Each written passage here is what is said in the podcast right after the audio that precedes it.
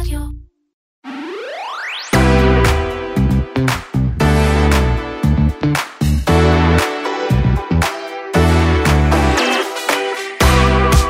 חשבנו שכבר היינו פיטורים בהייטק, אבל uh, זה רק ההתחלה. סופי שולמן, כתבת החדשנות של כלכליסט, אומרת, חכו לנובמבר, חכו לדצמבר. אם המצב הכלכלי יחריף, רק אז נראה ממש פיטורים שמתחילים לחתוך בבשר החי. בקיצור, יש עוד למה לצפות בחודשים הקרובים.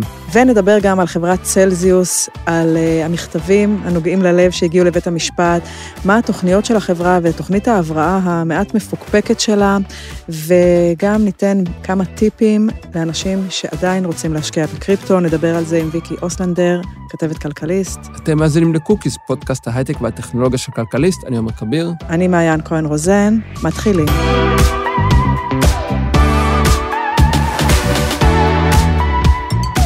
אחד הסטארט-אפים הישראלים הבולטים מהשנים האחרונות היה סולוטו, אה, סטארטאפ שזכה בתחילת דרכו להרבה סיקורים תקשורתיים, זכו ב-TC Disrupt אה, הראשון, זו אותה תחרות של TechCrunch שגם כיכבה בעונה הראשונה של אה, עמק הסיליקון. בהחלט כזה כוכב מקומי קטן, עשה אקזיט חביב, מאז, ב, אני חושב, כבר כמה וכמה שנים פועל תחת כסובסידיה של חברה בינלאומית, ונסגר שבוע שעבר החברה, פיטרו משהו כמו 140 מהנדסים ועובדים. והוא לא הראשון, גם עליבאבא נסגר אה, מרכז פיתוח מקומי, ואנחנו רוצים לדבר על זה עם סופי שולמן, כתבת ההייטק והחדשנות של כלכליסט. שלום סופי. שלום חברים, ושלום למאזינים. אז סופי, מה קרה כאן עם סולוטו ספציפית? למה הם נסגרו מרכז פיתוח שהיה יחסית מצליח ומאוד בולט? אז אני חושבת שהבעיה פה היא לא סולוטו, זה מה שנקרא, זה לא אתם, זה אנחנו. אנחנו באווירת קיצוצים, היא בישראל כבר מורגשת, אבל עדיין לא באותן עוצמות כמו שהיא כבר מתרחשת בארצות הברית, שם הכל יותר גדול, יותר חזק, יותר עוצמתי. וכשמגיעים לקצץ, אז אה, קודם כל אה, עוברים על הדברים האלה שהם יותר רחוקים, מה שיותר רחוק מהעין, יותר רחוק מהלב, וגם בקיצוצים אפילו בחברות הישראליות, ראינו שהן מרגיעות פה את התקשורת המקומית לפחות ואת העובדים המקומיים שהם אומרים אל תדאגו, אנחנו, את רוב העובדים אנחנו מפטרים לא פה בישראל, אלא אי שם רחוק מעבר להרי החושך. אז פה אנחנו פשוט אה, בצד השני של המטבע, ואשוריון, מי שרכשה את סולוטו והפכה אותו, אותה למרכז הפיתוח המקומי שלה, היא הלכה לכיוונים טיפה אחרים, וכשהיא באה עם הגרזן ומסתכלת אה, איפה צריך לחתוך, אז זה, זה טבעי, אפילו הייתי מסתכלת, אה, מאוד אהבתי את ה... עם, את הרעיון עם ישי גרין אה, שדיינה בכור ניר עשתה במוסף כלכליסט בסוף השבוע האחרון, אני חושבת שהוא מאוד צודק, זה, זה גם לא... בוא רק תגידי מה הוא אמר שם למי שמאזין זהו, בדיוק, הוא אומר ש... שזה לא כזה אסון גדול, טוב, הוא כמובן, מי שזוכר אותו מהריאליטי של מחוברים, אה, זוכר את השפה הציורית שהוא מאוד אוהב להשתמש בה. אז הוא אמר, החיה מתה בשדה, האריות אוכלים את הבשר והגופה הופכת לדשן שמצמיח עץ. אז עכשיו האריות אוכלים את הבשר של סולוטו. כלומר, זה, זה circle of life שכזה, כמו, הוא גם אחר כך משתמש בזה, גם ממלך האריות. גם מייסדי ווייז אפילו, אז אמרו את זה בהתחלה, ווייז כמובן לא נסגרה, נרכשה על ידי גוגל, אבל כל התפתחות כזאת היא מניחה את הבסיס לשלב הבא, וגם לא כל מרכז פיתוח אה, הוא, לא כל מרכזי פיתוח הם אה, שווים ונולדו שווים. אה, צריך להבדיל מאוד בין מרכזי פיתוח אמיתיים כמו מייקרוסופט וגוגל ואמזון, שאלה באמת פה, זו נוכחות עוצמתית, מפתחים פה דברים מאוד חשובים למוצרים, אינטל כמובן גם, מפתחים פה דברים מאוד חשובים לקווי המוצר המרכזיים של החברה הבינלאומית, ולעומת זאת אה, אשוריון ודומותיה, דובר הרבה שנים, בשנים האחרונות על מה שנקרא טוריסט מאני, ועל אה, כל מיני חברות כזה ששמעו הנהלות שקורה משהו מעניין בישראל וצריך נוכחות שם, והם פתחו פה, קנו פה איזה סטארט-אפ, פתחו פה מרכזון, אבל זה לא באמת אה, העברת אה, איזשהו אה, כובד אה, משמעותי של פעילות אה, לכאן, אלא משאירים את זה כי, זה כי כולם אמרו שצריך להיות שם, אבל אין לזה עומק אה, משמעותי, ולכן אפשר להיות גם לא פוליטיקלי קורקט ולהגיד, במצבים כאלה עדיף שאותם המהנדסים של סולוטו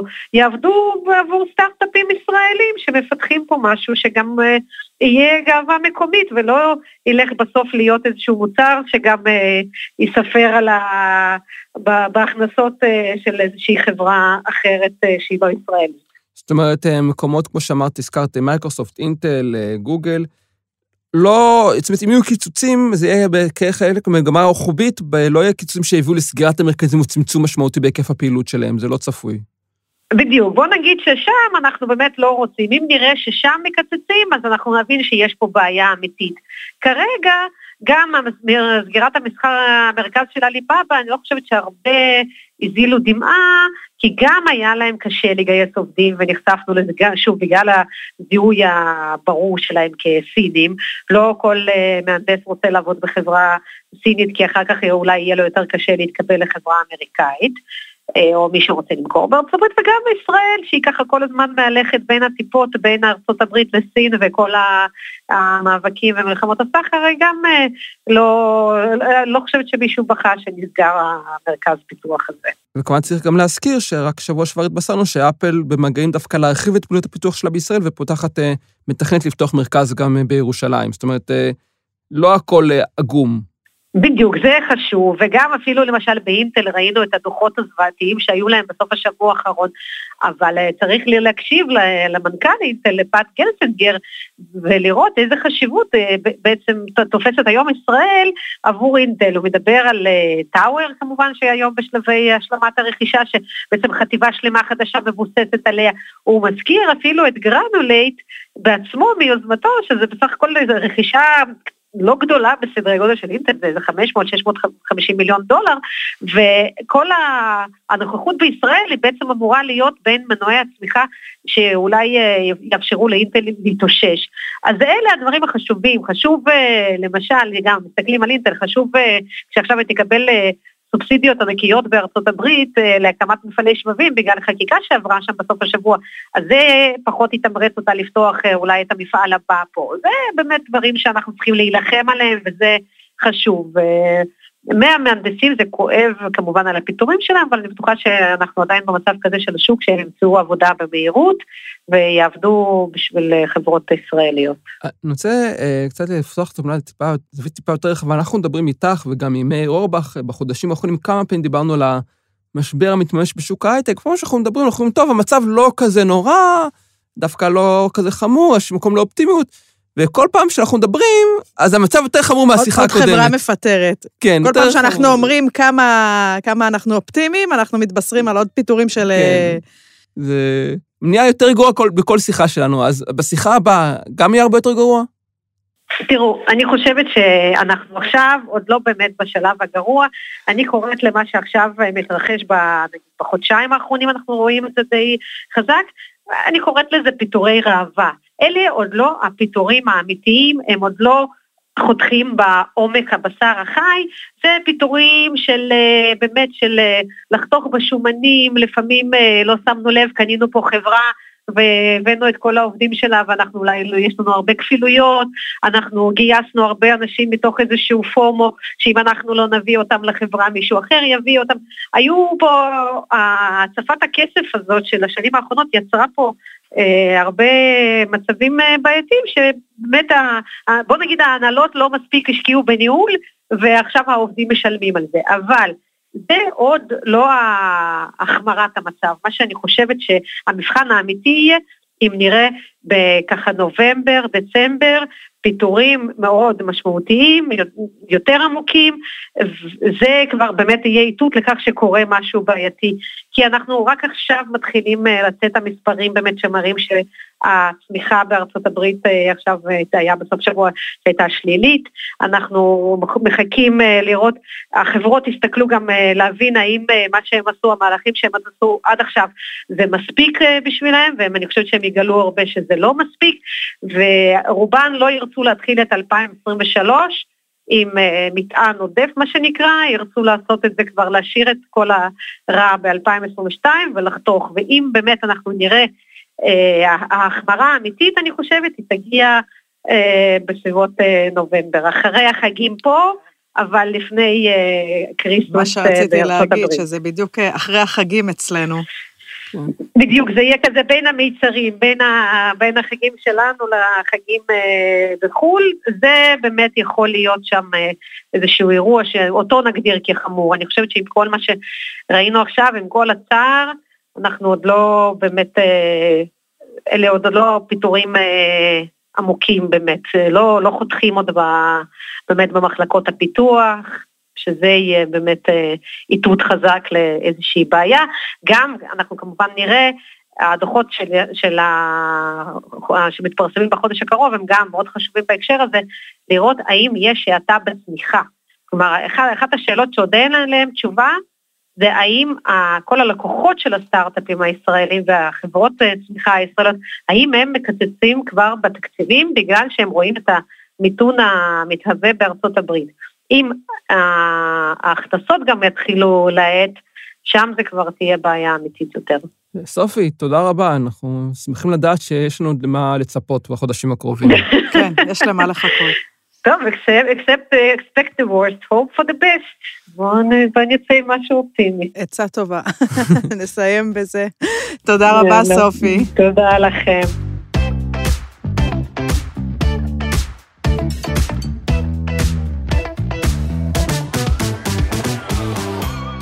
אז אה, בנק ההלוואות אה, צלזיוס ממשיך אה, לספק כותרות כל הזמן, ובשבוע שעבר נחשפנו למכתבים זועמים, כואבים, שלקוחות קטנים שנפגעו מהבטחות החברה השקיעו את כספם וגילו שהם שמו את כספם על קרן הצבי. אנחנו רוצים לדבר על זה היום עם ויקי אוסלנדר, כתבת כלכליסט. שלום, ויקי. שלום. אז אה, מה את יכולה לספר לנו באמת על אה, מה שקרה בשבוע שעבר בבית המשפט? אז אה, בעצם טלזיס התחילה תהליך של צ'פטר 11, זאת אומרת, היא מבקשת לעשות רה-ארגון לעסקיה, ולמצר לחברה הזאת יש בערך 300 אלף נושים לא מבוטחים, ובשבוע ש... ובמהלך השבועיים האחרונים אותם נושים התחילו לשלוח מכתבים אישיים לבית המשפט כדי לתאר את אה, מצבם ואת האופן שבו הם נכנסו למערכת יחסים אה, עסקית עם צלזיוס. ובמכתבים האלה אנחנו נחשפים בפעם הראשונה באמת לאותו מנגנון מיוחד שהחברה טיפחה כדי אה, לשמר את אותם לקוחות לאורך השנים ולגרום להם להרגיש שהם משקיעים את כספם בפלטפורמה בטוחה. מהמכתבים האלה, איזה סוג של משקיעים אנחנו רואים, או מה, מה אופי המכתבים האלה? אז באמת אה, אפשר לראות מגוון מאוד רחב של אנשים שמשקיעים שם, וזה מדובר מאנשים שהם אה, פנסיונרים שמחפשים להגדיל את הפנסיה שלהם, לאנשים שנמצאים באיזשהו מצב אה, כלכלי מאתגר, ואנשים שפשוט רוצים למצוא איזושהי תשואה בסביבת, בסביבת שהיא ריבית אפסית. ומגיעים לפלטפורמה הזאת מתוך, מתוך אה, מחשבה שהם מגיעים בעצם לפלטפורמה שהיא כמו בנק, שהיא בטוחה, שהיא מבוטחת, אה, ושהיא יכולה להציע אה, תשואה פנטסטית, שלפעמים מגיעה עד ל-18% ברמה השבועית. ובמכתבים האלה אפשר לראות איך הם ממש ממש ממש מאמינים למה שהמנכ"ל של החברה, אלכס משינסקי, אומר להם שבוע אחרי שבוע בשידור חיים, בשידורים חיים שהוא היה מקפיד לעשות אותם, שם הוא כל הזמן היה מזכיר ומבטיח שהם פלטפורמה בטוחה, שהם אף פעם לא יפשטו רגל, שהם אף פעם לא ישקיעו בצורה לא אחראית את כספי הלקוחות, שהם לא כמו הבנקים, שהבנקים הם לא החברים שלכם, שאנחנו כאן כדי להתחלק איתכם ברווחים, והם מספרים איך הם הגיעו לשידורים החיים האלה, ושבוע אחרי שבוע מקשיבים לאלכס משינסקי, מקשיבים לו איך הוא אומר שהחברה הזאת מצליחה למשוך כספי משקיעים של מוסדיים ענקיים, אה, ו, אה, וכמה שהפלטפורמה הזאת היא בטוחה, וסומכים עליו שוב ושוב ושוב, ולא מושכים את הכספים שלהם אפילו כשנראה שהמצב מתחיל להיות קשוח, ממשיכים להאמין לאלכס, משין, לאלכס משינסקי ולא יוצאים מהפלטפורמה, וככה למעשה בפועל מאבדים את כל הנכסים שלהם החל מיוני שנה, אה, יוני האחרון. אני רציתי לשאול אה, שאלה, כי לתוכנית, לחברה יש תוכנית, איך אני אגיד את זה, טיפה מוזרה, תוכנית ההבראה שלה מבוססת על קריאת קריפטו. אוקיי. את, אה, את רוצה אולי אה, להסביר לנו קצת על זה? זה? למה זה מטומטם? כאילו, מה, מה ההיגיון שעומד מאחורי זה, או אולי... מה, מה, מה זה? אז, אז במסמכים לבית המשפט, אה, מה שהיה מעניין, נחשפנו בפעם הראשונה באמת למבנה אה, התאגידי של צלזי, שהוא מבנה הרבה יותר מורכב ממה שיכול, ממה שלפחות אני אה, ידעתי לקרוא במסמכי תאגידים שפרס, שהחברה פרסמה קודם לכן. מה שכן ידענו תמיד בוודאות זה שלחברה יש עסקי קריאה, קריאת מטבעות קריפטו, בעיקר קריאת ביטקוין, שזה אומר שהיא מחזיקה חוות שרתים שעסוקים באירוע אה, ההוצאה האנרגטית העצום הזה של לנחש איזושהי יחידה מתמטית ואז אולי להרוויח מזה אה, כמה ביטקוינים. אה, באפריל החברה הגישה תשקיף לפני הנפקה לעסקי חברת הכרייה, היא תכננה לעשות, לעשות משם איזשהו אקזיט קטן, אבל היא הגישה את התשקיף הזה מן הסתם באחת מתקופות השפל הכי גדולות של של הקריפטו, כשהוא כבר התחיל בצלילה מאוד מאוד אה, גדולה, ולא היה באמת ניכר שהיא תנפיק את החברה הזאת. אבל אה, אנחנו כן יודעים שהעסקי כרייה האלה מניבים לה הכנסה, זאת אומרת, יש באמת, יש באמת הכנסה, הכנסה שהיא כמובן במטבעות קריפטוגרפיים, אפשר לדבר על מה זה אומר, אבל במסמכי בית משפט, מה שהיא מבקשת, היא אומרת, זה אפיק הכנסה שיש לנו שהוא ודאי, אה, אנחנו כבר היינו בתהליכים של אה, רכישת אה, שרתים, בבקשה תרשו לנו להמשיך להביא את השרתים, בבקשה תרשו לנו לשלם על עמלות היבוא וכדומה וכדומה, וכדי שנוכל להמשיך להשקיע בעסקי הקריאה, את הביטקוינים אנחנו או נמכור או נחזיר ללקוחות, וככה נוכל לארגן מחדש את עסקנו ולהגיע ליציבות.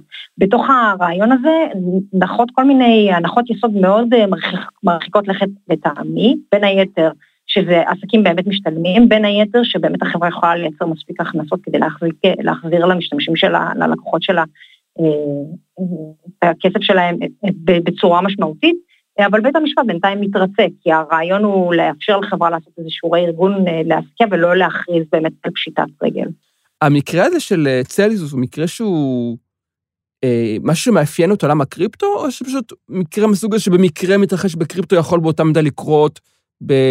לא יודע, בתחום אחר? אה, אז המקרה של צלזיוס, דבר ראשון, היא לא היחידה, יש בערך עוד איזה עשרה חברות כמוה, שעם אותו מודל עסקי פחות או יותר, אה, שכולן הגישו אה, בקשות לפשיטות רגל, צ'פטר 11, או פשוט עצרו משיכות. אז המקרה שלה הוא לא מקרה ייחודי, היא פשוט אחת מהחברות הכי גדולות בסיטואציה הזאת, ומהראשונות ממש התפרקו לחלוטין מהסיטואציה. הסיבה שזה אפשרי זה בגלל שהשוק הזה כל כך לא אה, מפוקח שהן יכולות פחות או יותר לעשות אה, מה שהן רוצות, אה, בלי לתת שום דין וחשבון על התעלולים הפיננסיים שלהם, ו... כמו שזה נראה עכשיו, הרבה אנשים בשוק אומרים, מצוין שזה קורה, שחברות כאלה ייעלמו, שלא צריך אותם, אבל כמו שזה נראה עכשיו, אין שום סיבה לחשוב שחברות כאלה לא יצוצו ויקומו שוב. אין שום דבר בשוק שיתמרץ חברות להתנהג בצורה בריאה יותר, באמת שאין, אה, בגלל שהבטחות השווא האלו, אפשר, לפ... אפשר לפזר אותם עד מחר. אה, אין שם אף אחד שיפקח, אין אף אחד ש...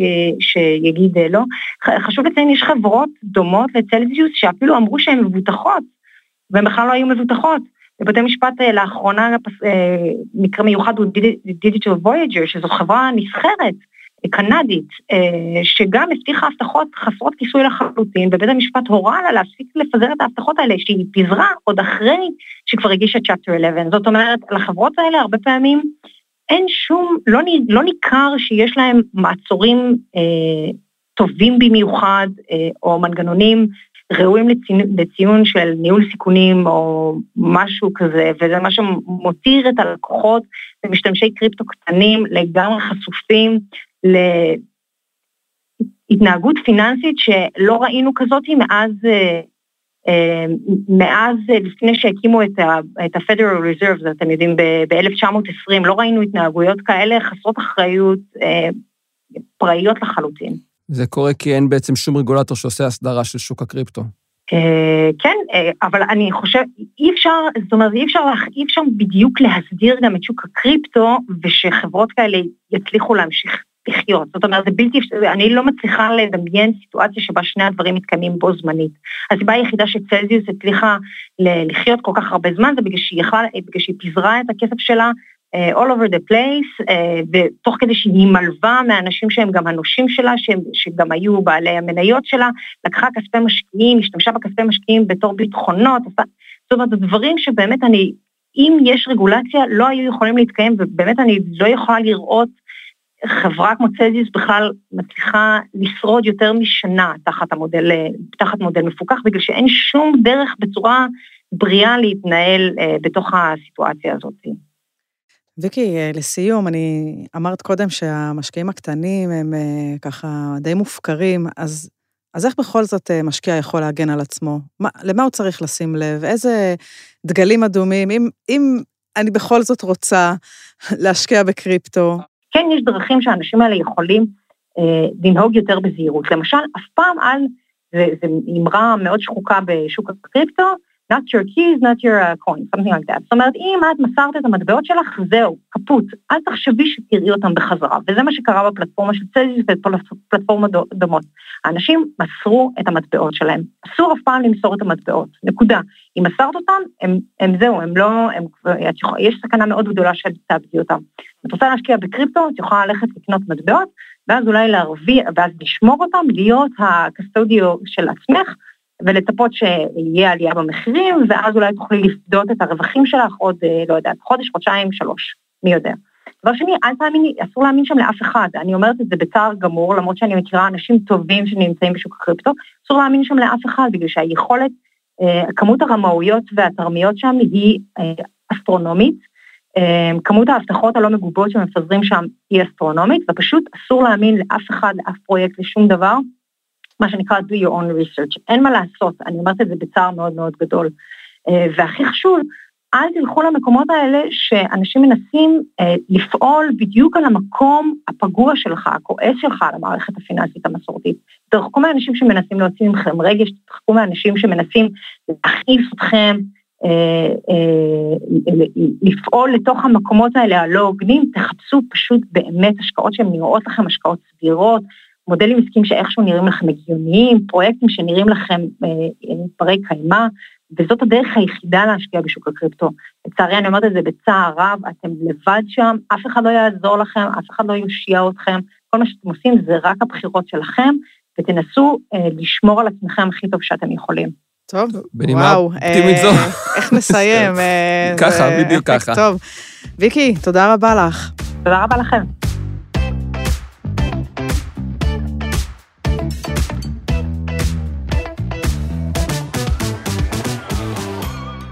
ומהקוקיז אנחנו עוברים לקוקיות, המלצות, הדברים שעשינו את השבוע. מעיין, את ראשונה.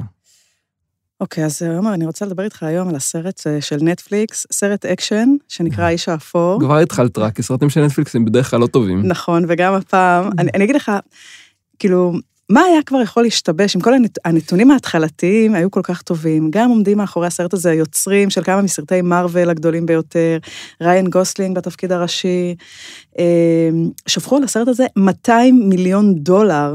אוקיי? אוקיי. אוקיי. בתקופה באמת אה, כל כך, אה, בוא נגיד, כן. אה, לקראת מיתון וכולי. והסרט הוא כל כך גרוע, שהוא, שהוא כבר נהיה טוב. אתה מכיר את הסרטים האלה שהם כן. רעים, רעים לתפארת, שהם כבר... אה, ש... מה, כאילו, זה לא אקשן טוב? זה כאילו... זה, זה, זה מופרך בכל רמה אפשרית. זאת אומרת, אה, התסריט קלוש, אה, המשחק סביר, אבל האפקטים הם כמו, הם כמו פרודיה על סרטי אקשן, שאני לא, אל תסמוך על חוכמת ההמונים, כאילו, לעולם. זה הסרט, אה, אה, אתה יודע, הכי נצפה בישראל. אז אה, גם אני זרמתי, כאילו, ואמרתי, מה כבר יכול להיות רע בסרט הזה? ווואו, הוא רע לתפארת, הוא כל כך רע, שאני אומרת, אם אתם מחפשים בידור, כאילו, של כן. שעה וחצי, כאילו, לצחוק על אפקטים מופרכים, כאילו, שאפילו בניינטיז לא היו כאלה. אז תראו את הסרט הזה. תשמעי, בניינטיז היו אפקטים טובים, כן. בניינטיז לא עשו דברים במחשב. כן, אנשים... אם תפוצץ מטוס, באמת תתפוצץ מטוס. כן, עשו את זה וקפצו בעצמם כן. וכולי. אבל אני רק רוצה גילוי נאות קטן, אני רוצה להגיד שבן זוגי טען שאני קטנונית, ושלא כל דבר חייב להיות עם עומק, והוא דווקא מאוד נהנה מהסרט, אז אני לא יודעת, אולי יש, היו לי ציפיות גבוהות מדי. אה, בקיצור, ככה... מה העלילה שם? העלילה שריין גוסלינג הוא איזה סוכן CIA. הוא קיצור גנרי. הכי גנרי, ואתה יודע מה הכי מצחיק? שבסוף כל ה... באמת, כל הקשקוש הזה, אתה, אתה רואה שזה גם מבוסס על איזשהו ספר, זאת אומרת, זה לא איזה תסריט שרקחו במחולל התסריטים. אוקיי.